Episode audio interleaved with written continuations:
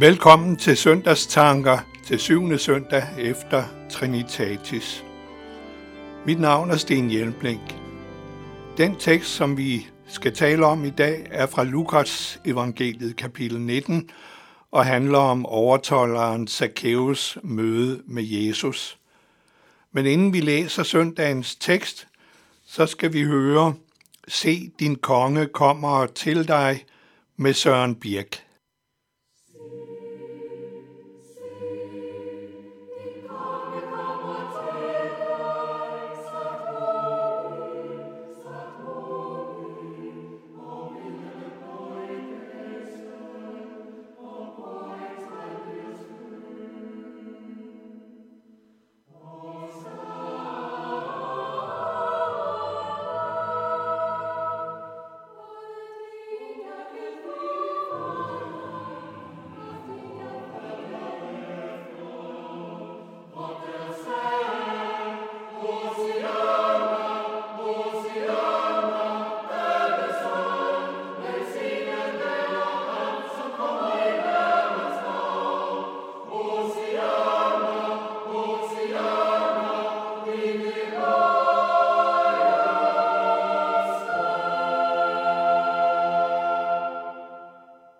Vi skal læse teksten til syvende søndag efter Trinitatis fra Lukas evangeliet kapitel 19, vers 1-10.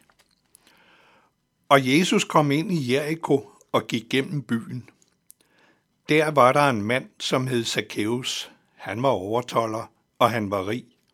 Han ville gerne se, hvem Jesus var, men kunne ikke for skaren, da han var lille af vækst – så løb han i forvejen og klatrede op i et morbafin træ for at få ham at se, for han måtte komme den vej forbi. Da Jesus kom til stedet, så han op og sagde, Zacchaeus, skynd dig at komme ned. I dag skal jeg være gæst i dit hus. Så skyndte han sig ned og tog glad imod ham. Men alle, som så det, gav ondt af sig og sagde, han er gået ind som gæst hos en syndig mand. Men Zacchaeus stod frem og sagde til Herren, Se, herre, halvdelen af, hvad jeg ejer, giver jeg til de fattige. Og hvis jeg har presset penge af nogen, giver jeg det firedobbelt tilbage. Da sagde Jesus om ham, I dag er der kommet frelser til dette hus, fordi også han er en Abrahams søn. For menneskesønnen er kommet for at opsøge og frelse det fortabte. Når man vil prøve at forstå en bibels tekst, så skal man begynde med at se på, i hvilken situation det beskrevne finder sted.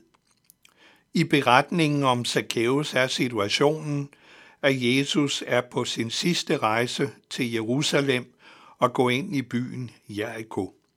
Ved indgangen til byen har han først mødt en blind, som han helbreder.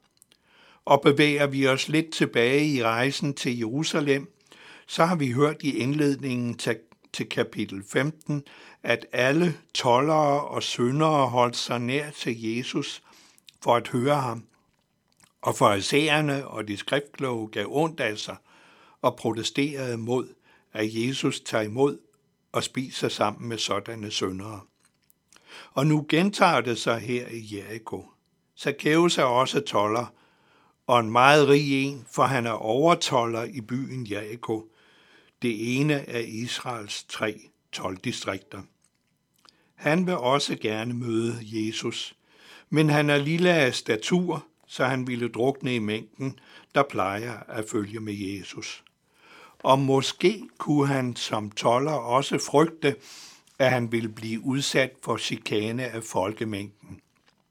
For tollerne, der arbejdede for den romerske besættelsesmagt, var mildest talt upopulære i Israel. Ikke kun fordi de hjalp besættelsesmagten, men også fordi de ofte snød ved inddrivelsen af skatter og opkrævede for meget. Zacchaeus løber derfra i forvejen og klatrer op og skjuler sig i et træ for at se den berømte og omdiskuterede Jesus fra Nazareth. Når der står, at han løber, så betyder det i oriental sammenhæng, at han er virkelig forhippet på at møde Jesus. Når Jesus ankommer, er Zacchaeus hverken skjult eller ukendt for ham, så han tiltaler ham ved navn og siger, at han skal have besøg. Jesus bruger på græsk et ord, der indebærer, at besøget er nødvendigt som et udtryk for guddommelig vilje. Så Zacchaeus skynder sig ned fra træet og tager glad imod Jesus, mens alle omkring ham forarvet siger, at Jesus nu igen blander sig med de syndige. Jesu besøg udløser hos Zacchaeus en bemærkelsesværdig reaktion.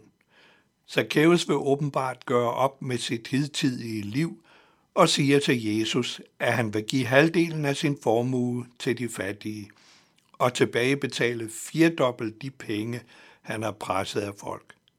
Og Jesus svarer ham, i dag er der kommet frelse til dette hus, fordi også han er en Abrahams søn. Hvad var det lige, der skete her? Vi skal lægge mærke til, at det ikke kun var Zacchaeus, der søgte hen til Jesus, men Jesus, der søgte hen til Zacchaeus. Når frelsen kommer i stand, så er det Guds værk. Gud er aktiv, når Zacchaeus drives af sin samvittighed til at søge til Jesus. Med et moderne engelsk ord kalder man det for nudging, små puff til at vandre i den rigtige retning. At Zacchaeus havde behov for at lette samvittigheden, ser vi af hans reaktion på Jesu besøg.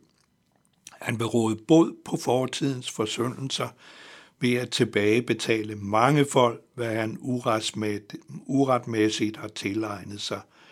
Og han vil begynde et nyt liv efter Guds bud ved at give rigeligt til de fattige. Afsluttende erklærer så Jesus, for menneskesønnen er kommet for at opsøge og frelse det fortabte. Der er to ting, vi navnlig skal lægge mærke til i denne beretning. For det første er Gud virkelig ønsker at tage imod en hver, der vender sig til ham, uanset hvilke sønder vedkommende måtte bære på. For alle mennesker er omfattet af Guds frelsesplan og indbudt til at tage imod Jesus. For det andet følgende. Kort før Jesus kom til Jericho, blev han opsøgt af en rig rådsherre, der gerne ville have et evigt liv, men ikke kunne skille sig af med sin formue og følge Jesus.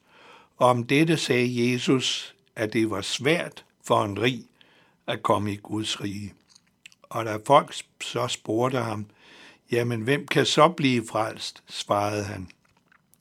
Det, som er umuligt for mennesker, er muligt for Gud. Det er Lukas evangeliet kapitel 18, vers 17.